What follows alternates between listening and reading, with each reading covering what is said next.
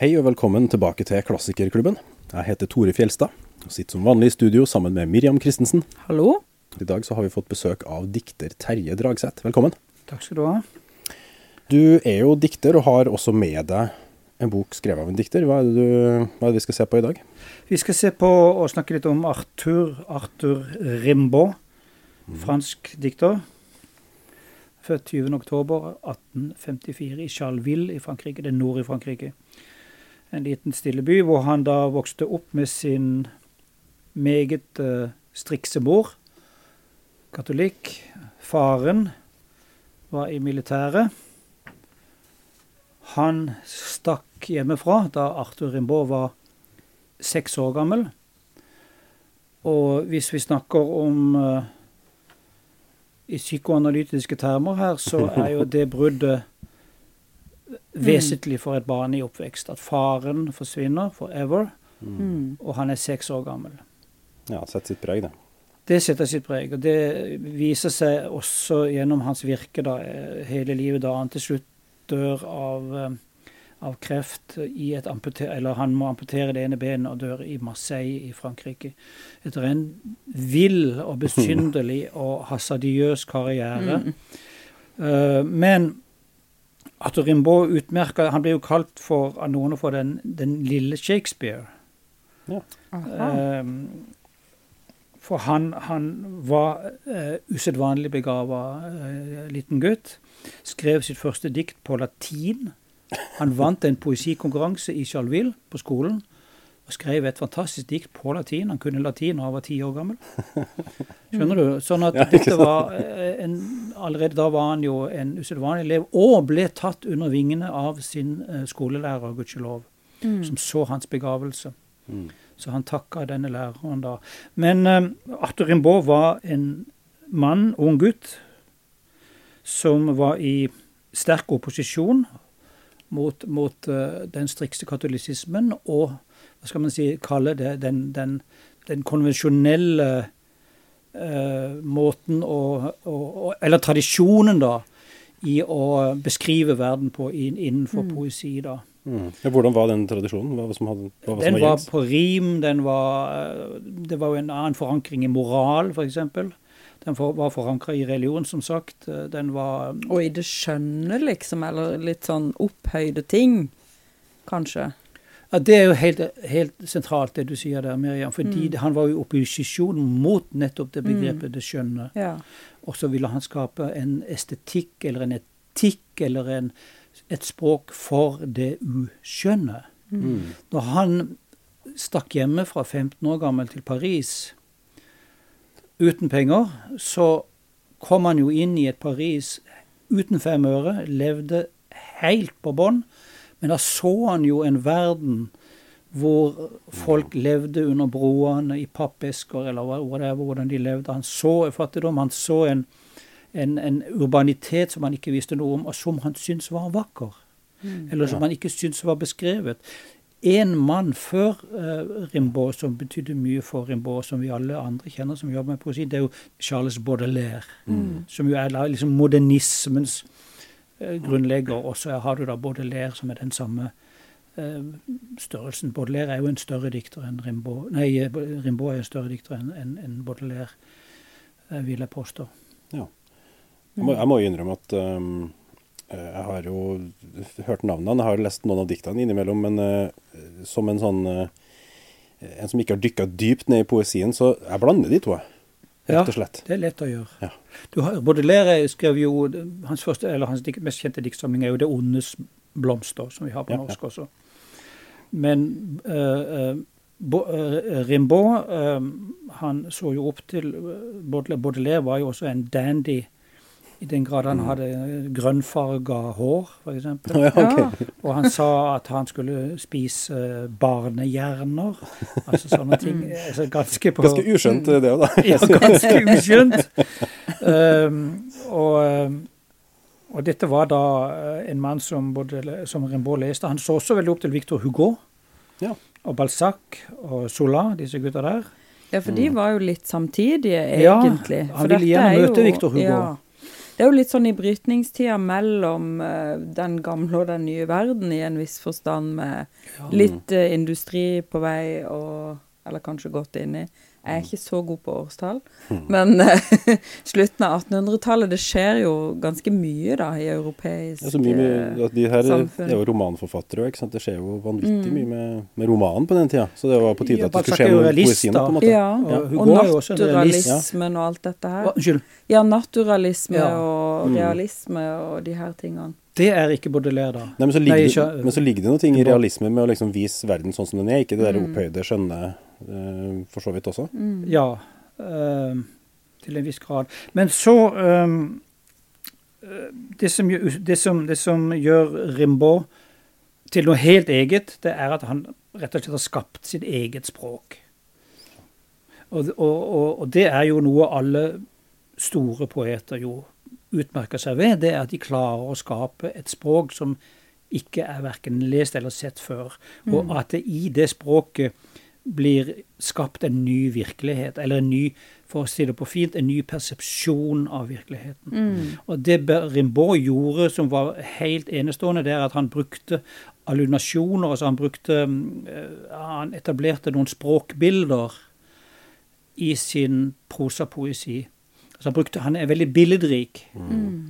Han beskriver f.eks. En, en spyflue i et pissoar Ja. som en skjønnhet. Men at det blikket der, den optikken der, er jo bare det. Um, og, og, og ved at han vil, vil ha skapt denne poetikken og denne poesien og dette språket, så vil han jo også, eh, som jeg sjøl mener, da med sitt språk forandre verden. Og, og, og i det er det jo også en visjon, eller han fremstår også som en visjonær poet. da. Eh, og, og, og la det være sagt med en gang at, at Rimbauds poesi det er ikke for alle, vil jeg påstå. Uh, av den grunn at Rimbaud representerer poesi som en kunstart. Og nå uttaler jeg meg på mine egne vegne. men Ja, jo, jo. Altså, jo, fordi veldig mye av den poesien som kommer, som vi kaller poesi og lyrikk, er ikke kunst. Det må du utdype litt. Hva mener du Nei, med vi, vi, veldig mye av det som blir skrevet, eh, 99 av det som blir gitt ut og kaller seg poesi, er ikke poesi. Og det tenker du på det som kommer ut nå i dag? ja, i dag. Mm. Hva er det da? nei, det er sånn, kaster det er, en brannfakkel inn i ja, det er sånn til, tilgjort poesi. Sånn, det er sånn Mm. etterapning av poesi. Ja. Eh, og det er, det er jo en utrolig eh, hva skal man si, Det er jo en poesi som også tilhører for, det forrige århundret. Og da sier jeg ikke det 20. århundre, men jeg sier det 19. århundre. Fordi det er eh, fortsatt inderlighet, bekjennelseslitteratur, eh, en opptatthet av jeget som jeget. Eh, en av Rimbauds aller mest kjente utsagn det er 'I am another'. Jeg er Mm. en annen. Mm. Altså Det du snakker om nå, er jo egentlig dette som vi har lært når vi studerte litteratur. altså poeten som seer, som visjonær. Og det er vel også et av titlene på Eller det blir kalt et brev han skrev til læreren eller til en annen poet. Eh, det brevet har i ettertid blitt kalt for seerbrevet. Fordi der beskriver Rimbaud sin poetikk, liksom, i, å, i dette, da. Å se verden med denne nye persepsjonen, som du sier. Det er jo et av verdenslitteraturens mest berømte brev. Det er såkalte seerbrevet som han skrev til sin lærer. Og Der øh, skriver han følgende, som jo er da i, en, i, i kort format, holdt jeg på å si, men det er korrekt. Eh, Hans lærer het Georges Isambard. Bare så det er sagt, fordi han har jo vært med å skape denne dikteren, kan man vel si. Men det er det såkalte seerbrevet fra mai 1871, hvor han skrev til sin lærer eh, og en god venn av seg. Og da var han faktisk ennå ikke blitt 16 år gammel. Og han skriver at poeten fremfor alt må være seende. En seer eller en visjonær. Og så kommer det. Jeg sier at man må være seende, gjøre seg seende, gjennom en lang, umåtelig og veloverveid forstyrrelse av alle sansene. Mm. Og dette kan man bruke minst ti podkaster på å snakke om. Ja. Men, og da er det faktisk også en slags eh, eh, referanse til Baudelaire, da, som, eh, som, eh, som har sagt at, at, at poeten skal inn i det ukjente. Mm. Mm. Altså man skal erfare noe gjennom sin egen kropp, da. For det her var det også snakk om å liksom utvide bevisstheten, leste jeg et sted, gjennom eh, eh, å liksom utsette seg for en, en rekke sånn kroppslige forfall. Eh, men også alkohol og annen type beruselse. Sult. Ehm, sult, ja. Fattigdom. eh, altså virkelig sånn tyne eksistensen, da. For å liksom erfare fra et slags nullpunkt, virker det nærmest som om Ja. et um, Ja, både og. Ja. Fordi uh, Flower Power-bevegelsen tok jo dette utsagnet til inntekt for hva det var verdt Mm. av dumskap. Altså at man skulle kjøre i seg 70 LSD-tabletter og Se hva som skjer. se hva Ja. som skjer. Ja. Eh, så dette er dessverre, som så mye annet godt i verdenslitteraturen, blitt vranglest. Jeg opplever det som nødvendigvis ikke at du skal ha en fysisk erfaring av, eh, av dårskap, forfall, eh, eh, rusmidler. Det kan være en del av det. Det er blitt veldig romantisert. Mm. Det er det jeg kan si om det. Men så har du jo da f.eks. sånn som Jim Morrison, som jo er jo en Rimbaud-klone. ja. Positivt. ja. Bob Dylan Mm. Kunne overhodet ikke ha skrevet eh, mesterverkene sine uten Rimbaud. Patti Smith, Mm. for å strekke fram henne, også. Uh, I Norge kan jeg ikke komme på noen eh, sånn umiddelbart. Mm. Uh, men uh, Rimbaud har jo betydd umåtelig mye for, for populærkulturen. Ikke minst punken. Mm. Fordi eh, han Hvis man ser de få fotografier av Arthur Rimbaud, så ser han jo ut som en punker. ja. Med håret strittende rett til værs, eh, nesten skamklipt, eh, i lasete klær, svarte klær. Han ser jævlig tøff ut. Det er artig du skulle Ja, nevne, nevne det, for jeg har et av de punktene som jeg har på min lille stikkordsliste her, er at hvis han var født 100 år senere, ville han ha vært punker. Og det, altså Han ville ha Ja. passa inn, da, tenker jeg. Ja, det, det tror jeg neppe han ville vært. Jeg tror han ville ha, ha Da hadde han vært noe helt annet, men, liksom. men, he, men hele det her med å gjøre opprør og være liksom den ungdommen som skal liksom mm. gjøre noe helt nytt og sånn, det er utrolig Altså Det er young person's game. På samme måte som punken også på den tida var det, liksom. Det kan du godt si. Eh, Det kan du godt si. Han er jo en opprører og, og, og en rebell. Men han er det pinadø med geniets eh, Hva skal man si dybde og bredde og, og, og, og villskap. Og uforutsigelighet, ikke minst. Og det er jo det som, det er jo det som gjør Rimbaud um, så spesiell, det er at hans poesi er så uforutsigelig. Den sprenger liksom alle rammer for alminnelig lesning og persepsjon, som vi var inne på.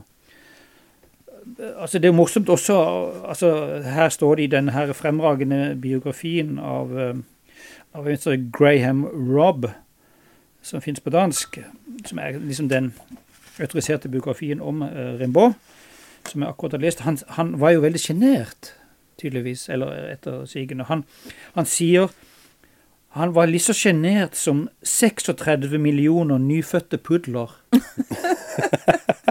Wow. wow For et deilig bilde. Og han var, han var, han var et, et, eh, liksom et nervøst barn, da. Mm.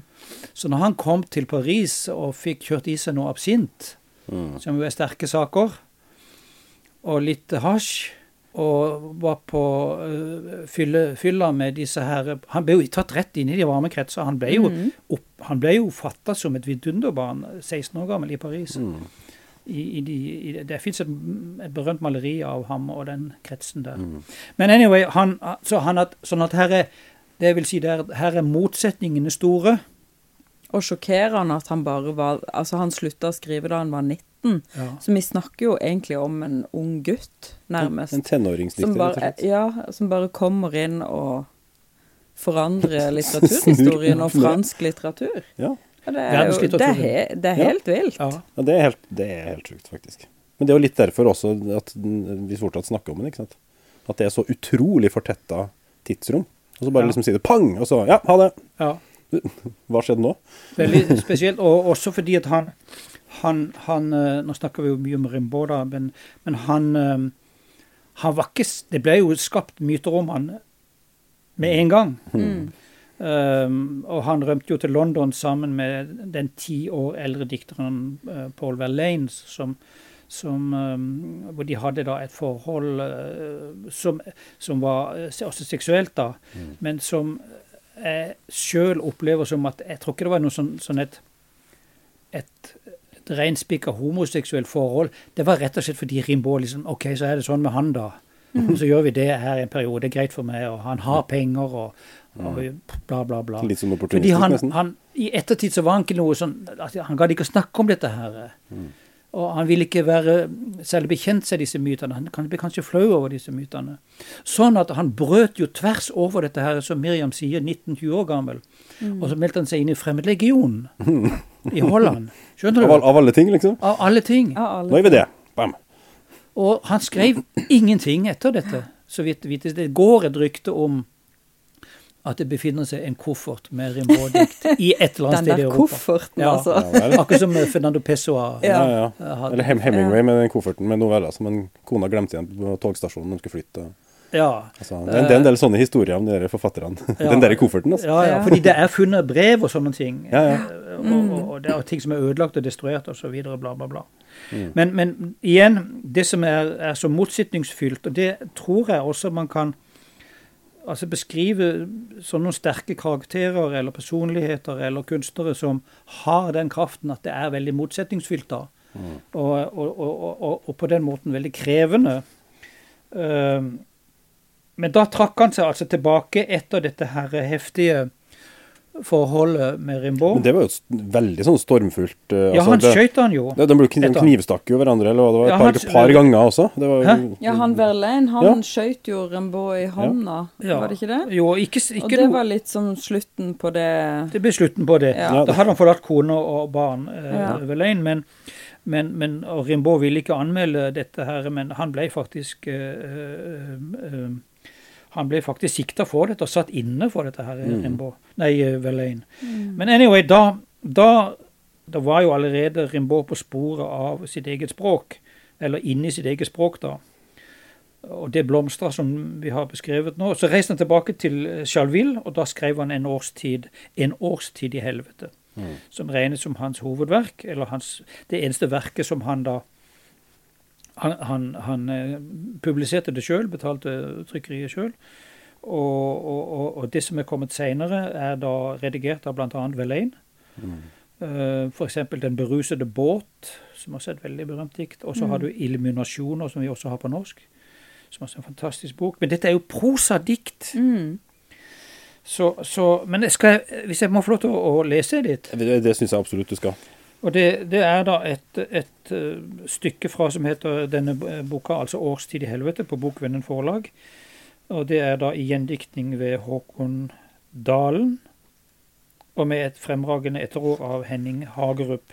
Der er det et prosedikt som heter 'Delirium 2'. De, vi vet jo alle hva delirium er for noe. Det er jo da meget sterke, farlige alkoholabstinenser. Og så heter det under tittelen 'Ordets alkymi'. Altså ord, alkymi er jo, hva skal man si, eh, en slags fake kvasivitenskap om å finne gullet, da, for å si det litt sånn banalt. Men dette er ordets alkymi, og det går sånn. Ordet er mitt. Historia om en av galskapene mine. I lang tid hadde jeg rost meg av å være eigar av all mulig landskap. Og jeg fant de berømte personene innan målerkunst og poesi latterlige. Jeg likte meningsløse bilder, dørfriser, dekorasjoner, sirkuskulisser, skilt, farga skillingstrykk, forelda litteratur, kyrkjelatin, erotiske bøker uten rettskriving, romaner fra våre bestemødres tid, eventyr, små barnebøker, gamle operaer, tåpelige refreng, naive rytmer. Jeg drømte om korstog, oppdagingsreiser som aldri var omtala, republikker uten historie, undertrykte religionskriger, omveltninger i sed og skikk, forflytninger av folk og kontinent. Jeg trodde på all slags trolldom.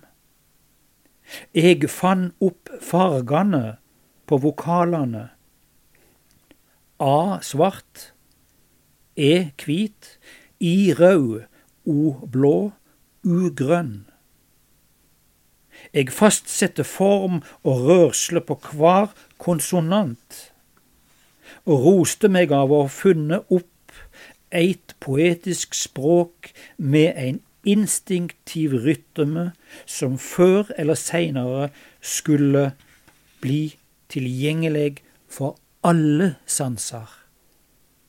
Jeg sikra meg omsettingsretten. Det tok til med øvinger. Jeg skreiv ned stilla, netter. Jeg noterte det useielige. Jeg gav fast form til det svimle. Så dette er, dette er prosjektet, da. Mm. Um, og det lykkes han jo med, da. Men jeg syns det er veldig viktig å få fram altså dette her med at um, det Rimbaud uh, gjør, det er at uh, han forandrer språket, da. Universelt. Og, og, han vil være Han sier at en sanne dikter er en seer, nettopp fordi seeren skal skape nye virkeligheter. Altså persepsjon. Og som han sier, skal bli en slags pioner for en ny Her bruker ordet rase, da, det liker ikke det ordet, men i hvert fall for en ny for en ny sivilisasjon, eller for nye sivilisasjoner. Fordi han mener jo at vi lever eh, også i en sivilisasjon som uh, ikke er så bra på mange områder, for å si det mildt. Han tok jo konsekvensen av det sjøl ved å for, forlate den fullt og helt. på mange måter. Ja, men så Jobb- jobb samtidig så gikk han jo inn i den. Han ble jo en, en rå kapitalist. Ja, ja, ikke sant. Jo, jo. Men, men det som han sier at han, altså det som, han, det som, er, det som også gjør han så, så visjonær, eller så framtidsretta, det er at han betrakter poesien som en form for vitenskapelighet også. At det er en vitenskap. Altså som eh, Nils, Nils Kristian Repstad og, og, og undertegnede har også sagt at, at poesi er eh, forskning, da, en form for forskning, Mm. nettopp av persepsjon. Fordi vi tenker via språket. Språket er vår grunnleggende, den grunnleggende faktor for vår bevissthet, så langt vi har forstått nå. Mm. Men da er det jo som Rimbaud og f.eks. den danske atomfysiker og kvantefysikkens uh, eh, fortaler, holdt jeg på å si, Nils Bohr, som jo sier at det, det, det, det er vi, kan, vi har ikke språk til å beskrive det som foregår innenfor atomforskningen Mm. eller, eller kvantefysikken. Det finnes ikke språk for det, fordi det som skjer der, er foreløpig umulig å beskrive. Mm. Fordi eh, eh, disse, disse partiklene oppfører seg mer enn uforutsigelig. Mm. Og så sier Nils Bohr, og som jeg, hvis jeg må få lov til å si det som jeg siterer i min siste bok sjøl, 'Voodoo Science', da sier, da sier Nils Bohr det er kun poesiens språk som kan gi dette språk. Mm. Fordi poesiens språk har dette visjonære i seg, eller har muligheten til å, å, å, å frembringe eh, eh, eh, Ikke begreper, men, men, men syn på hva dette kan Mm. eh, kanskje være. Nå ser jeg bare for meg forskere på Cern stå på pressekonferanse og fremsi den nyeste forskninga i prosadikt. Ja, Det, liksom, det hadde vært utrolig artig. ja nemlig. Men det er vel Spennende. kanskje noe av det som Rimbaud gjør, da. At han, eh, han eh, foretar nye beskrivelser av verden, eller beskrivelser av verden på nye vis, da. Mm. Eller sin bevissthet, som da er noe helt nytt eh, Ja. i poesien. Og så gjør han det så kraftfullt i en veldig kort periode at etterpå så er han helt, eh, helt tom og helt ferdig og Kanskje. Kanskje, ikke sant? Det er jo Og- egentlig litt befriende med en, eh, en forfatter som på en måte sier at 'jeg har egentlig sagt mitt, jeg nå'. Ja. Ja. Og ikke bare liksom 'ja ja, det er nå jobben min, altså, jeg må bare fortsette', liksom. Ja. Tenk om flere kunne gjøre det. ja! Det kan komme på mange forfattere som burde ha gitt seg etter én. Gi, gi meg òg, altså. Nei, uh, eh, men, men det er riktig som du sier, og han, han ville da skape et universelt språk, da. Mm. Bare det er det jo en visjonær greie. Det er det ikke så mange diktere som har påtatt seg. Um, Men det var det jo kanskje også litt før hans tid, da, i en viss forstand, i poesien. At det fantes et sett med språklige liksom, virkemidler og bilder og metaforer, kanskje, som, man, som var det poetiske språket. Altså Han vil på en måte kaste det på båten og lage et nytt, da. Men kanskje også på bakgrunn av Baudelaire eller den liksom gryende modernismen. Ja, nettopp fordi det for disse gutta her hun utspilte seg, eller framsto en, en, den urbane nye verden. Mm. som jo Walter Benjamin har skrevet, beskrevet også så ypperlig i, i, i, i passasjeverket. Og det som var eh, Altså, som var nytt, Mm. og som det ikke var noe språk for. Ja. Og ja, for det var ikke der poesien fantes, liksom. overhodet ikke. Ja. Eh, den, den spyflua var jo, har jo ikke blitt, i pissoaret har jo ikke blitt beskrevet før. Nei. Den har liksom vært regna som upoetisk, stakkar. Stakkar. Ja, stakkar Ja. som jo egentlig er veldig vakker, og Ja. du får den under mikroskop Ja, også. det er jo et liv, det òg. Men han sier at, at, at, at, at dette, vil, dette vil være også et sjelens språk. Mm. Så han har jo hva skal vi si, en, en, en, en spirituell, åndelig dimensjon i dette her også. Han, han bruker jo også begrepet Gud. Mm. Og han snakker jo veldig mye om helvete, for det boka heter jo 'Årstid i helvete'. Men det er jo i da metaforisk forstand. Ja, det er Ja. ikke så mye igjen av den katolske oppveksten på en måte i, i de diktene. Opposisjon til det, Ja. og til mora. Mm. Og, og da vil jeg, Nå nevner jeg mora og faren, men det som fremstår i denne biografien som jeg nevnte, det er at Rimbaud hele tiden hadde liksom en slags dårlig samvittighet overfor mora. Han ville gjerne bevise overfor mora at han var en stødig gutt. Fordi hun, Han kommer jo 15-17 år gammel tilbake fra Paris med lus og elendig, ikke sant, og måtte pleies. Eh, og, og kanskje har skammet seg på et eller annet vis overfor mora. Unnskyld, mamma. Han hadde jo søsken. Han hadde jo Ja. to søstre og en bror, var det vel. Ja. Søstera tok jo over og, og um, hans forfatterskap uh, på en ikke så bra måte etter hans død, men det er en annen samtale. Men anyway, det at han slutta med poesi og starta som handelsmann Han endte jo opp til slutt i, i Etiopia. Um, han så jo på øst, de østlige landene som framtida, at de hadde kunnskapen om, om det som skulle komme. På den måten er han vel også litt visjonær. Men han endte opp i, i, i, i, um, i uh, Etiopia, og han sendte penger hjem til mora. For å vise at nå går det greit med meg. Skjønner du? Altså, Det ligger noe her, noe veldig sårbart her, som er veldig menneskelig også. At han, han har mista faren. Han blir en slags fars erstatter da. Han blir faderfiguren i, dette her, uh, i disse relasjonene.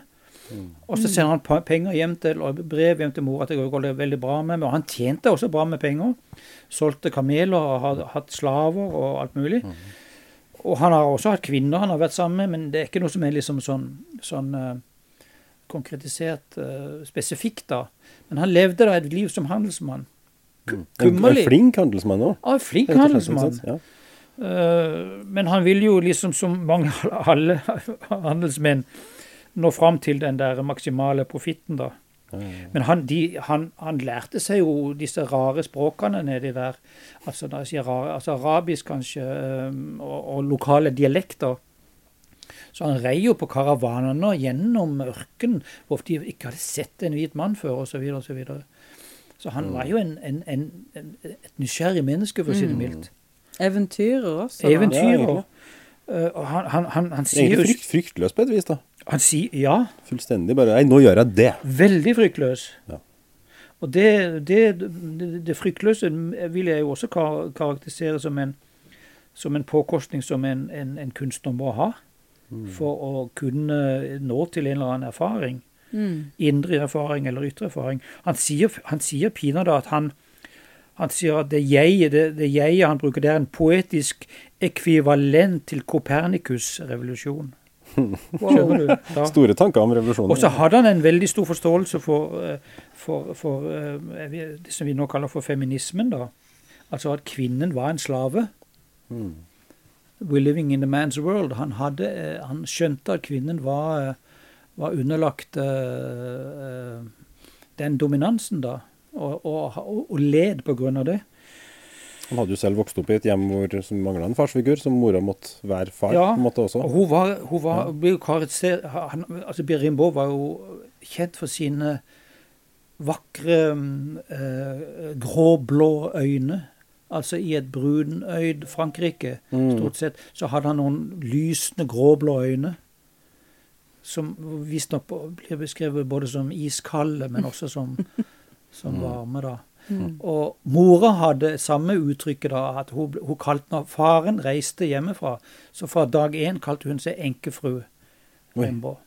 Okay. Selv om han ikke var konstatert død. da. Død for. Faren for, for øvrig oversatte Koranen.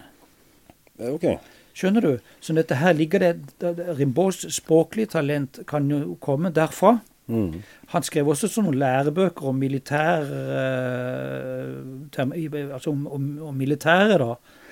Og den der, den der Koranen, den har jo uh, Rimbaud lest. Selvfølgelig. Mm. Så klart.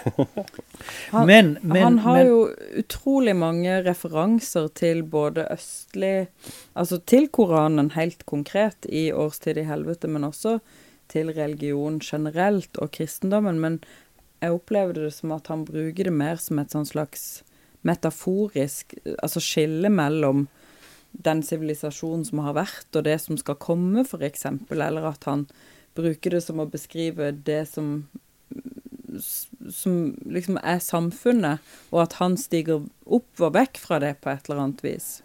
ja, uh, Henning Hagerup er inne på at at En årstid i helvete er en sånn slags psykedelisk versjon av Dantes Den guddommelige ja. komedien. Sånn at for å komme til himmelen, så må du ha vært i helvete. Mm. Ja, Du må gjennom alle disse sirklene, liksom. Du må gjennom Ja. lidelsen, du må gjennom eh, erfaring, du må gjennom ditt og datt. For ellers eksisterer jo ikke himmelen som sådan, for, for, i, i et enkelt paradoks. Men han sier da også at eh, eller Victor, Det er Victor Hugo som sier det at, at, at det ukjentes invensjoner krever nye former. Mm. Og, og, og da er det jo sånn at noen Uh, kunstnere eller vitenskapsmenn de har en visjon av at, at sånn og sånn skal virkeligheten, eh, kommer virkeligheten til å artikulere seg om 1000 år eller 500 år. Men hvis du lanserer det språket nå, så blir jo ikke det forstått. Mm. Sånn at eh, det er virkelig De nye formene er jo vanskelig å ta for, for, for eh, Altså, den her store fantasien her er jo, er jo ikke for sarte sinn eller snevre sinn. Jeg vil heller kalle det for snevre sinn. Man må jo innrømme seg sjøl eh, en stor fantasi. Han sier også noe genialt her, syns jeg, at selv om alt dette her kan virke hallusinatorisk og irrasjonelt og, og vanvittig, så sier han sagt, samtidig at hvordan skape denne forstyrrelsen, altså alle sansene som vi snakka om i stad, Mm. ved å forsone den med fornuften? Åssen gjør man det? Ja, åssen gjør man det? Jo, det er faktisk også å bruke sunn fornuft. Altså skal du, skal du, skal du det, det, det som Rimbaud har gjort, det er at han på den ene siden har kasta seg ut i en forvirrelse av alle sanser, men for å styre dette og gi det form, som en dikter jo må gjøre, så må du jo bruke din, dine rasjonelle egenskaper. Du må jo bruke disiplin. Du må skrive om igjen. Han skrev jo om igjen denne boka her 500 ganger. Da, da, da bruker du din sunne fornuft når du redigerer et, et dikt på den måten. Mm. Og du må også bruke eh, altså, Sunn fornuft er heller ikke noe å forakte eh, i enhver sammenheng. Man må ikke liksom uh, kimse av den heller, fordi det er også et verktøy for tanken. Så jeg syns det er veldig fint at det kommer fram. Mm. Mm. At, at, at uh, At ikke det bare er en sånn hemningsløst Mm. og tjolahei og Ja. Ja. Det er også en kynisk fornuft Mm. i dette, her, om man kan si det sånn. Du er nødt til å sortere de tankene etterpå og se hva du kan få ut av Ja. det på et vis. Mm. Og da trenger du kunnskap, Mm. som han hadde, Mm. om grammatikk og om uh, ditt og datt, som var språklig relatert. da. Mm. Han framstår jo som om han har fått en helt eh, vanvittig god utdannelse med seg i, i ryggsekken fra Eh, Tidligere. Lært seg latin utenat, tenk Ikke- på det. Da, da setter du noe i gang. Nå er jo, kan jo ikke ungdommen uh, snart lese, altså. Han skriver jo i eh, den eh, Delirium 2, da. Eg vart ein eventyrleg opera. Eg såg at alle vesen har si lagnadsbestemte lykke. Handlinga er ikke livet, men ein måte å sløse styrke på. Ei avkrefting. Moralen er hjernens veikskap. Eg syntes at hver skapning hadde rett til flere andre liv. Den herren der veit ikke hva han gjør, han er en engel. Den familien der er eit kull hunder. Framfor ei stor forsamling har eg tala høgt med ein augneblink av deira andre liv. Slik har jeg elska eit svin. Altså, det, det er så vanvittig bra når du leser det, og så etterpå så tenker du hva i huleste var det som sto der, da? Men det bare opplevdes så liksom utrolig godt formulert underveis når du leser det. Og så må du bare lese det om igjen og om igjen. Ja, det, men det der er jo et det der er jo så utrolig flott, altså. Synd Beskrevet, altså. Eh, det, er jo så mye, det er jo så mye kjærlighet i det der. Det er jo en menneskekjærlighet her som, som er også helt den, den, er ikke, er den er ikke sentiment, Han er jo ikke sentimental. Som, når vi nå snakker om lyrikk, Mm. så er jo veldig mye lyrikk forbundet med sentimentalitet. Ja. Og, og det må jeg sjøl, som, min e- som, som eh, min min egen diktning, så må jo jeg også passe meg på. Vi har jo alle sentimentale trekk. Mm. Eh, Det kan godt være fett å være eh, sentimental, men det skal ikke komme fram i, i diktet. Vet du, Man skal- spiller på sentimentalitet. Man skal ikke velte seg i det, liksom. Det, det kan Mm. Du, man skal ikke velte seg i det og liksom bare, også, ja. bare gå for det sentimentale verdien, liksom. Ja, nettopp. Og, og det kan på en måte også skje litt hvis uh, Altså, for det jeget til Rambo er et stort jeg. Det er ikke den.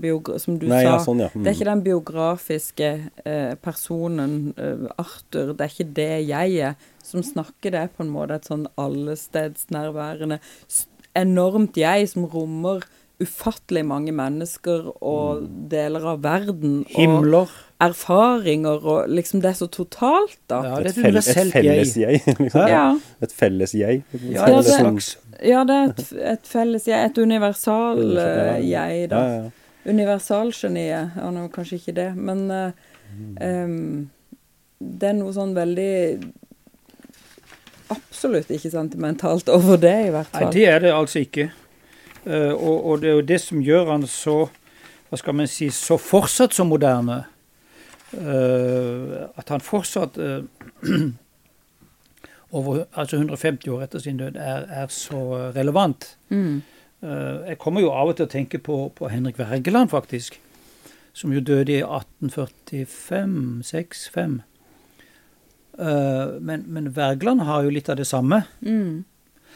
Faktisk. Mm. Uh, og, og, og Wergeland er jo vår største dikter. Og hadde han skrevet på engelsk, så hadde jo jeg Wergeland vært like stor som Keats og Shelley og Byron. Mm. Men det er ikke noe jeg har funnet på. det er Jeg tror det var Paul Borum som i sin tid sa det. Ja, ikke sant. Men, men, eh, men, eh, men dette jeget, da, som du sier, altså I am another, uh, er jo Altså Hvis man jo vil gjøre det banalt i en freudiansk eh, analytisk uh, kontekst, så ville man sagt at han er schizofren. Men det er ikke det. Han er tvert imot. Han er hel. Han er skarp. Ja, jeg er, jeg er som alt, Ja. eh, som den danske dikter Henrik Mm. Holk har sagt. Mm. I Contain Multitudes, som Dylan sa på sin siste plate. Contain Multitudes er kjempegode. eh, Mm. Det er jo Walt Whitman. Det, er ikke sant? det er jo stjålet også, men, men en tidligere Dylan-låt, uh, 'I'm Not There', er jo også Ja. litt i det samme på en måte kontinuumet. No Direction Home. Mm. Det er veldig fint oppsummert da, i den aller første setninga i Årstid i helvete, som jo er berømt, men jeg hadde glemt at det var derfra jeg hadde den. Før i tida, om jeg husker rett, var livet mitt eit gjestebåd der alle hjerter åpna seg og alle viner strømde. Og det der med at livet mitt var et gjestebud, det er bare en sånn setning som Den er sikkert berømt. Mm. Ellers er det bare meg som husker det fra et eller annet. Det ble berømt nå. Ja, nå ble det iallfall berømt for meg. Men det, det er en sånn setning som jeg bare Og det var der jeg hadde det fra, ja. Så det Ja. Men 'Årstid i helvete' det er jo en, en veldig tynn, liten bok. Prosadikt. Eh, hvor mange avdelinger er det her? To, fire, seks, ni Altså ti tekster, på en måte. Det er noe poesi inni, men det er jo enormt fortetta. Det tar et helt liv å lese det, tenker jeg. Eller det har iallfall du gjort, eh, Terje. Ja. Uh, uh, men det er jo ikke det er jo ikke utilgjengelig eh, for en som vil lese, da, syns jeg. Som du sier, så er det jo Du kan jo lese det i løpet av en kveld. Mm. Men forstå det. eh, Men på en det er jo en annen sak. Ja.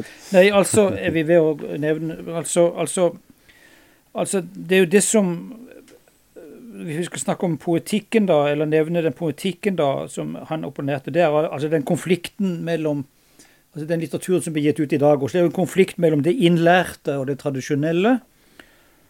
Det ortodokse, om du vil. Og så det som er frigjørende. Altså vi, vi må jo frigjøre oss fra vanene. Og det er veldig, veldig vanskelig for, for oss. Og, og, og at, det, at det, det som er nyskapende, ofte er veldig vanskelig å ta inn over seg, fordi vi er veldig avhengige av, av våre vaner. da. Mm. Og Og det er veldig menneskelig. Ja. Jo. Ja, det kjente. Ja. Mm. Det, Det vi allerede kjenner fra før Ja. av, tar, tar vi inn mer av. Og, og, og, og, og, og det å ville oppsøke helvete, det er jo ikke noe vi gjør eh, gjerne. Vi er jo trygghetsnarkomaner og ønsker oss um, uh, å leve i vanenes trygge omgivelser. Men det fører jo ikke Jeg vil ikke bruke ordet fram, eller, men jeg vil heller, de fører jo ikke ut i noe.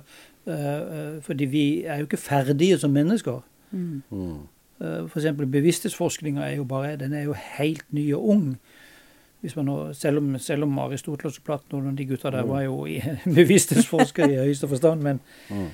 men, eh, men det, det Hvis jeg skulle avslutningsvis si noe som jeg sjøl vil ha knytta til mitt eget forfatterskap, eh, og som er liksom essensen av mitt eget forfatterskap, det er å, det er å, eh, å stimulere eh, forestillingskraften. Mm. Og det er det Rimbaud også gjør da. Mm. Utfordrer forestillingskraften. Og er det noe som er befordrende for den menneskelige kommunikasjon og utvikling og framtid, så er det å, å, å stimulere forestillingskraften. Fordi det er kilden til Mm. alt. Mm. Å kunne forestille seg at du kan eh, sveve, eller forestille deg at du kan eh, elske, eller forestille deg at du kan uh, ha et godt liv, eller forestille deg at det er et liv etter døden, eller whatever. Alt det der kommer fra forestillingskraften. Og hvis den tørrer ut av for mye TikTok og iPad De, de tingene der tørrer det jo ut Mm. Så eh, er det fare på ferde i en viss forstand. Fordi eh, et menneske uten forestillingskraft er jo et fantasiløst menneske og, eh, og lett å, å manipulere med. Det er jo derfor språket Mm. er vår Vårt, vår store kunst Altså den store kunstopplevelsen som du får gjennom språket, da. Som jo da setter i gang den forestillingsevnen. Ja. Mm. Altså Det er jo nettopp når du leser en sånn utrolig mystisk og, og nærmest tenker du med en gang utilgjengelig tekst, da. Som Rambaud. Hvis du prøver å lese det som en ren prosatekst, så skjønner du jo ikke en dritt. Mm. Men hvis du klarer å frigjøre deg fra at nå skal det komme fem setninger på rad som skal beskrive noe helt som jeg kjenner fra før av, så ser du plutselig noen så, så kan du kjenne noen helt andre betydninger eller noen helt andre opplevelser som ligger under, da, i en sånn Mm. lesning. Mm. Og det er jo litt fantastisk å kjenne, og det er derfor det er fantastisk å lese også klassikere, altså tekster som er hundrevis av år gamle, og kjenne at det er, en, det er fremdeles en connection her. Mm. Du omtalte jo Terje altså Rambos tekster som at de fortsatt er moderne. Mm. Og jeg merka meg litt altså, Da du snakka om dikt som blir gitt ut i dag, da. Eh, Det første jeg tenker, er jo Instagram-poesi. Eh, Det er ingenting Instagram-vennlig med Rambo. Du kan liksom ikke bare ta ut en liten setning og si at det skal definere eh, helheten. Du må, må på en måte ha hele diktet for å forstå det. Men, men hvorfor skal altså, Hvilken plass har Rambo i dag? Altså, hva, hvorfor skal en ung person eh, plukke opp den boka og begynne å lese den? Hva er det, hvordan ville du solgt inn det til det her unge mennesket? Nei, hvis du er litt nysgjerrig på hva som er mulig å gjøre, Mm. leke med det, betrakte det som en uh, lek. Ikke ta det så forferdelig på alvor. Og så ta det som det er. Uten å, å, å tro at det er, betyr så sinnssykt mye. Det betyr nettopp det du sjøl har evnen til å forestille seg. Det er ikke noe, det er ikke noe, det er ikke noe gitt logikk eller analytisk eh, riktige svar på noe av det Rimbaud uh, har skapt. Nettopp fordi uh, det er utømmelig. Mm. Uh, og Derfor er f.eks. alle lesninger eller tolkninger av moderne poesi, god moderne poesi, ikke mulig å fange inn i en enkel analyse. Når jeg har undervist på skolen, så sier jeg at enhver tolkning om den, enhver tolkning og enhver lesning er riktig, Mm. bare den begrunnes på en eller annen måte. Og den tre Begrunnelsen trenger ikke være eh, analytisk, akademisk eller logisk. Den kan være eh, emosjonell. Du kan si 'jeg følte dit eller datt' når jeg leste det diktet. Sånn at man skal legge av seg de der konvensjonene om at poesi er sånn eller sånn. Altså, Take it or leave it, men, men, eh, men eh, det er tilgjengelig for alle. Jeg sa innledningsvis at det er ikke tilgjengelig for alle. Ja, du gjorde det, ikke sant? Men da har vi jo motsetningen igjen, som Ja. Bob Dylan da Ja, har, ja, ja. ja. Har sagt. Og også dette med den vanvittige biografien til Rambo på den ene sida. ja. Og så dette her i tekstene hans sine, hvordan han egentlig oppløser hele jeget til å bli dette store, overskridende, bevissthetsinntakende vesenet, da. Mm. At du er ikke, du er ikke begrensa til et jeg. Du er ikke begrensa, du er ikke fanga inni én kropp, inni én Altså, en av favorittpassasjene mine her handler jo nettopp om at han eh, han en eh, Han snakker om forfedrene sine, ikke sant? Om på en måte hvordan alle tider og alle forfedre og, og historien egentlig strømmer igjennom han, og han, han lever både her og der og, og har med seg alt dette inn i, inn i dette jeget, da. Og det er også litt eh, Det er jo ekstremt moderne, men det er også utrolig eh, bra å lese i vår tid, hvor man kanskje også kan føle at det, jeg er veldig klaustrofobisk. Det er jo en oppfinnelse. Ja. Mm. Det er jo en oppfinnelse av Aristoteles eh, som faktisk ennå sitter i oss, da. Og som kleber til oss, og som vi er veldig fanga av. Mm. Eh, Som du sa så fint innledningsvis i din kommentar der, at, at altså, det er jo et universelt jeg vi snakker om. Vi består jo uh, I'm another. Jeg er mange. Mm. Uh, eh, og det er liksom, det, Dette er veldig vanskelige ting å ta inn over seg på en eller annen måte. eh, Mhm. Fordi vi er veldig låst i, Ja. i en gitt persep persepsjon. Og at jeget skal være litt stabilt, liksom. Hvis det er ustabilt, da er du syk, på en måte. Ja, Da, ikke- da er du syk, ja. noe oppi Det er riktig. Da er du, da er du, da er du psykiatrisk mm. Mhm. eh, disponert, holdt jeg på å si. Mm. Uh, den det- inneholder mange. ikke og, sant? og, og, og den normalitet, da vil jeg jo si at den normaliteten der er jo, er jo faktisk en form for galskap, da. Mm. Ja. Um, jeg har egentlig et spørsmål som ehm, Jeg har egentlig vært litt redd for å stille. For jeg tenkte nei, jeg kan, ikke, kan ikke spørre om det, for det er så svært. Men jeg gjør det likevel. Hva er det som gjør et godt dikt? Nei, Jeg, jeg syns det som jeg sa i stad, at, at, eh, at det har en, en uforutsigelighet i seg. Um, at det har paradoksene i seg, som du nevnte. Contradictions. Eh, og at det har en, eh, en, en, en billedskapende eh, kraft eller potensial, eller latens, om du vil. Altså at, at diktet er lada med noe som ligger i språket. Det kan være, eh, det kan være sånn som man sier, altså i et nøtteskall så er modernismen i poesien da en paraply og en symaskin som møtes på et operasjonsbord. og der begynner bildene å skapes med en gang. Ja, og ingen kan si ja, hva er det for noe? Det er hva det er. Det er et umulig møte som oppstår i språket. Og det, det umulige, såkalt umulige, det kan frigjøres som i forestillingens kraft i et godt dikt. Mm. Kort eller langt. Men dikt på TikTok, de inneholder ikke det den det her? Det, det, er jo noen andre, det er jo noen andre språklige utsagn. Det er jo noen bekjennelser. I dag drakk jeg en caffè latte og kom til å huske på min bestemor. Og imens så tusla det en hund forbi. Jeg tror uh, Terje følger feil folk på TikTok. Jeg. Jeg tror det er der det ligger. Det kan gå. Nei, det, jeg har jo sett at i Kina så har jo TikTok medført at folk har begynt å lese igjen. Ja, ikke sant. Så det har jo en funksjon på den måten. Ja da. Mm, Nei, jeg, jeg, altså, jeg skal ikke sette meg til doms over, over eh, Instagram-poesi eller TikTok-poesi eller whatever. Folk må jo gjøre hva de vil. Uh, jeg gjør hva jeg vil. Uh, og, og, jeg skriver de bøkene jeg vil, og, og gjør det som jeg syns er Eller som jeg har forstått som er Jeg vil ikke si riktig, men som er som er godt for meg, da. Jeg, jeg, lærer jo noe sjøl ved å skrive bøker. Jeg skriver jo en bok for å lære noe, ikke for å gjenta noe eller repetere noe. Hver bok er en ny erkjennelse for meg, da. Og, og jo, jo, eldre jeg blir, jo, jo lenger ut tør jeg gå, holdt jeg på å si, i, i, uh, i kvantesprang. Jo lenger ut må du kanskje gå for å på en måte utvide jeg syns jeg har gått veldig langt i den siste boka, men den er jo møtt med, med en enestående uh, taushet.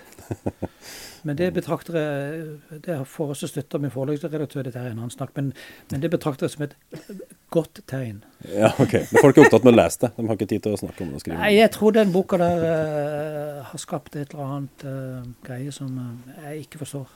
Og det har kanskje vært meninga òg. Mm. Men du gjør som du vil? Ja, jeg gjør det med, med, med, med støtte av Rimbaud og, ja. og, gode kolleger. Mm. og, og, bibliotekene. Ikke minst.